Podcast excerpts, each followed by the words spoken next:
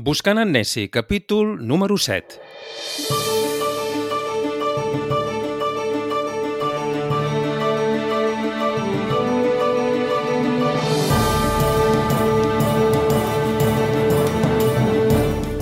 Això és Buscant en Nessie, el podcast on parlem d'Escòcia, dels seus paisatges, els seus costums i tradicions i de la seva gent.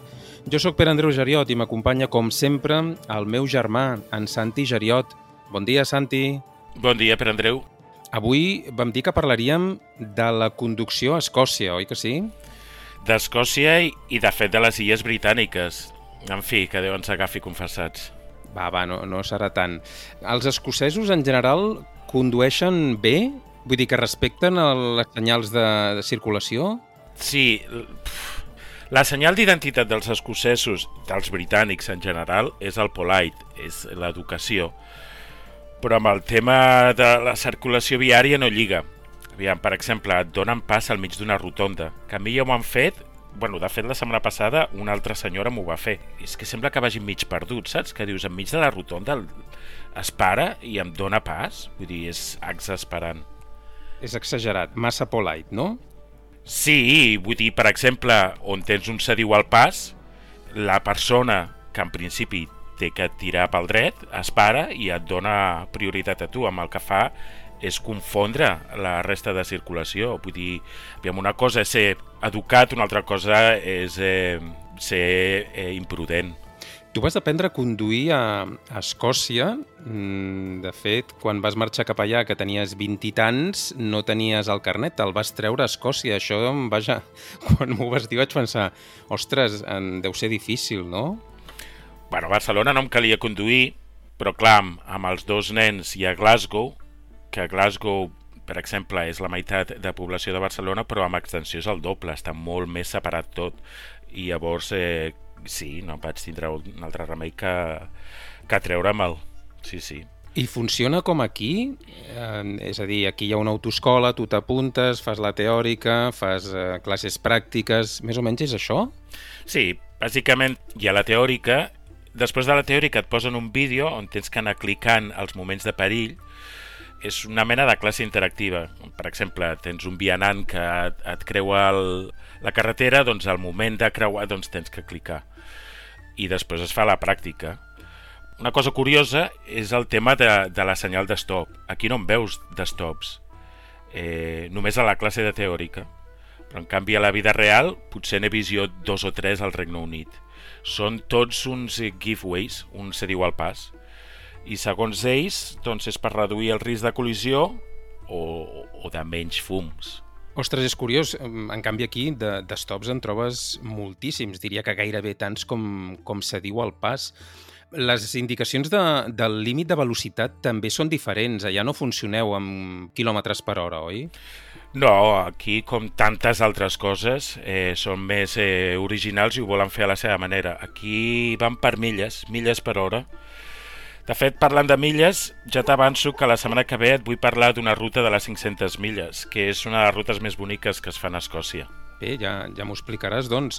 Tornant al tema del carnet de conduir, penses que et va costar més allà o, o, o et va costar el mateix que si te l'haguessis tret a, a Catalunya? O conduir una mica és, és el mateix a tot arreu?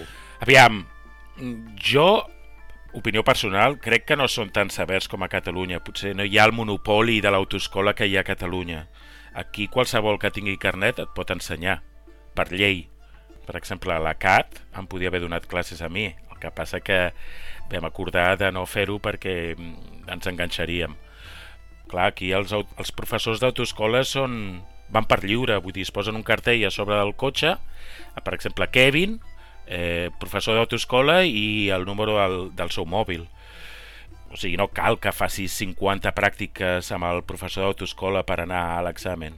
Clar, evidentment allà a Escòcia no hi ha tant de trànsit com aquí, això és un avantatge, no?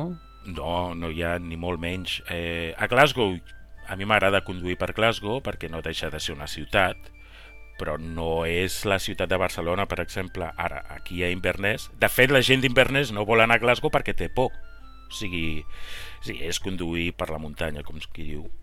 De fet, eh, aquí les cues són de 5 cotxes. Quan veus més de 5 cotxes parats un, un semàfor, ja, ui, ja tenim cua. Imagina't, cinc cotxes. Sí, sí. Escolta, m'estava pensant que eh, no només és acostumar-se a conduir en un seient diferent, el seient de la dreta, sinó que el canvi de marxes també canvia. Has de canviar les marxes amb l'esquerra, amb la mà esquerra. Sí, aviam, els primers 10 minuts estàs una mica tabalat, però una vegada a la carretera ho agafes tot de seguida. De fet, la primera vegada que vaig agafar jo el cotxe amb el seient a l'esquerra, tot va anar molt bé, saps? Poso primera, eh, continuo, i al posar segona em vaig donar un cop a la finestra. Clar, què passa? Tenia el canvi de marxes a l'altre cantó. Però ja et dic, al cap d'una estoneta i, i tres o quatre cops de claxon des de darrere ja t'espaviles. A Barcelona, aquí no, aquí no toquen el claxon. Aquí no el toquen, en sèrio. No, no, no. De fet, mira, un, una petita anècdota. Quan els nens eren petits, que tenien, què, 3 i 4 anys, potser, eh, que és quan me'l vaig treure jo el carnet. I un dia conduint em diu, a l'Ivan, el més gran, em diu, papa, què és aquest so? Dic, això és el claxon. Diu, ai, diu, per què? Es diu, per, per aquest eh, borinot d'aquí davant que no ha indicat per girar. O sigui, els nens, la primera vegada que van sentir el claxon va ser per mi. Gràcies a tu. Sí, sí. Recordem que no només el Regne Unit es condueix per l'esquerra, hi, hi ha molts països, i això no ho sabia, però buscant informació m'he trobat que són 55 els països arreu del món que condueixen com a Escòcia. En aquest sentit, l'altre dia vaig trobar un article de la BBC on s'explica l'origen d'aquesta tradició, un article, per cert, que hem enllaçat juntament amb les notes del, del programa. Santi, podríem dir alguns d'aquests països, no? Mm, hi ha una pila, però alguns són països mm, molt coneguts. I tant. Que no ens imaginarien que condueixen d'aquesta manera.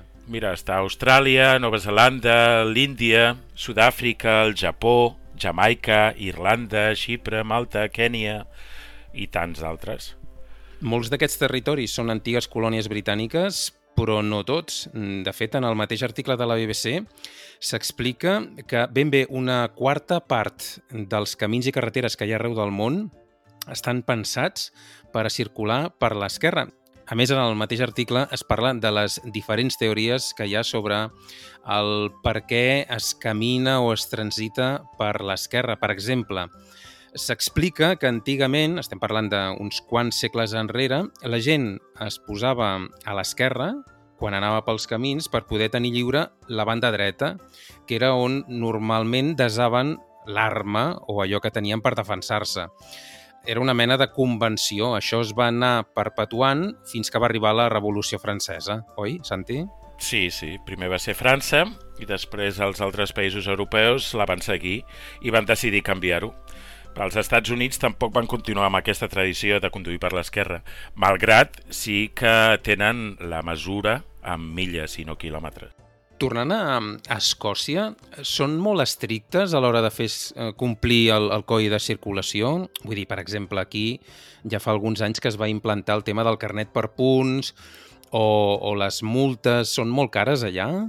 Bé, jo diria que més o menys és el mateix, també va per punts. Potser amb el tema de l'alcohol, aquí la gent està molt més mentalitzada que allà. Si bé que és un país que es veu molt, també et dic que eh, la gent ja fins i tot abans de sortir ja està convençuda de que no agafarà el cotxe o bé agafen un taxi o queden amb un que no begui però amb aquest tema jo crec que som molt més conscients que no passa allà. Donaries algun consell a algú que ens estigui escoltant i que, per exemple, hagi de, de llogar un cotxe amb el volant a la dreta, ja sigui a Escòcia o en algun altre país d'aquests que hem dit abans? Bé, el consell és el de sempre, d'estar tranquil i segur, perquè, aviam, el sistema circulatori és exactament el mateix aquí que allà. El que passa que hi ha alguns temes que valin revés, com a l'hora d'agafar les rotondes, les sortides i entrades de les autopistes, a l'adelantar bé per l'esquerra o per la dreta, però, ja et dic, una vegada dins del sistema circulatori no tens que tindre cap problema. De fet, també pots anar amb el teu cotxe. A Catalunya, quan veiem un, un cotxe amb un volant a la dreta, de seguida ens fa gràcia, ens hi fixem, perquè és molt estrany trobar vehicles amb el volant al revés del que nosaltres imaginem. Allà a Escòcia deu ser al revés, no? Sí, malgrat no hi ha gaires, eh, de cotxes... Eh, solen llogar els cotxes en comptes de, de vindre des del continent. Potser fa anys sí que m'hi fixava més, però ja no. Ara pensava que normalment aquí, quan anem pel carrer, quan caminem, o fins i tot quan pugem una escala mecànica, ja sigui el metro o en uns grans magatzems, la gent s'acostuma a posar a la dreta, oi? Per deixar que qui vingui al darrere doncs, pugui, pugui avançar si té més pressa. Allà és al revés? És a dir, la gent es col·loca a l'esquerra quan camina o quan puja alguna escala mecànica? No, no té per què. La gent és molt educada i s'aparta no en crec inconvenient. És espontani. Què et sembla, Santi? Ho deixem aquí? Sí, va bé. Un altre dia ja podem parlar, ara que hem parlat de milles, doncs d'altres mesures que fan servir aquí dalt, com per exemple doncs, eh, les lliures o les pedres, perquè aquí no diuen peso 80 quilos, aquí diuen pesem 15 pedres i coses d'aquestes. Sí, jo peso 15 i mig, 15 pedres i mig, que dius, déu nhi Però és curiós, és curiós.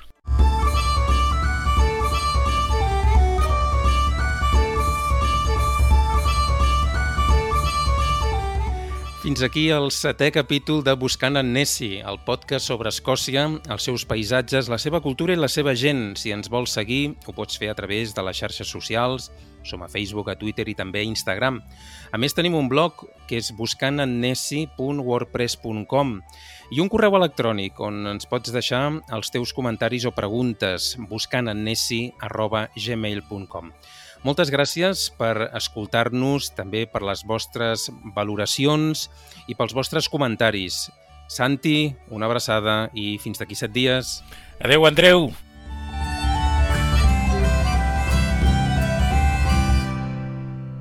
Realment algú l'ha vist el Nessi?